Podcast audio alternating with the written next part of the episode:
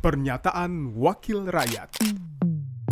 Pernyataan Iketut Karyasa Admiana, anggota Komisi 9 DPR RI, fraksi PDI Perjuangan, daerah pemilihan Bari, saat rapat kerja Komisi 9 DPR RI dengan Menteri Ketenagakerjaan RI dan rapat dengan pendapat dengan Dewan Pengawas dan Direktur Utama BPJS Ketenagakerjaan terkait penjelasan optimalisasi tugas pengawasan ketenagakerjaan dalam hubungan industri terkait kepatuhan, JP sertaan, jaminan sosial BPJS Ketenagakerjaan dikaitkan dengan Undang-Undang Nomor 23 Tahun 2014 tentang pemerintahan daerah yang mengatur kewenangan pengawas berada di daerah, Rabu 22 Juni 2022. Kemudian kepada BP2PMI,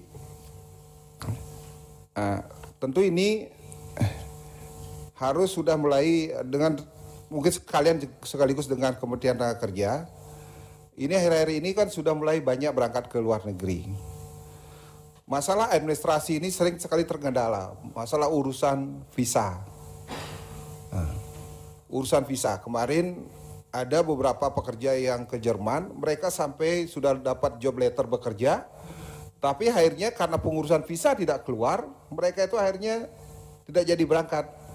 Tentu ini harus sudah komunikasi dengan eh, konsulat atau duta besar, terutama pekerja-pekerja yang banyak mempekerjakan itu harus dibantu urusan-urusan administrasi baik menyangkut visa maupun urusan-urusan yang lainnya.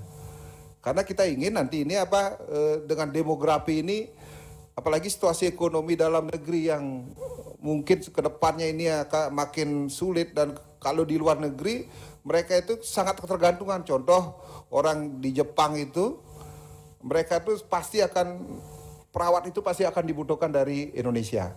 Karena mereka itu ketika usia tua itu sudah wajib mereka itu ditempatkan di uh, panti dan sebagainya dan mereka itu kekurangan kekurangan kerja.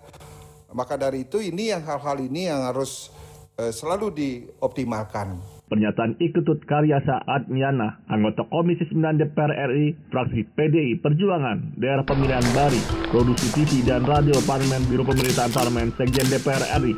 Pernyataan Wakil Rakyat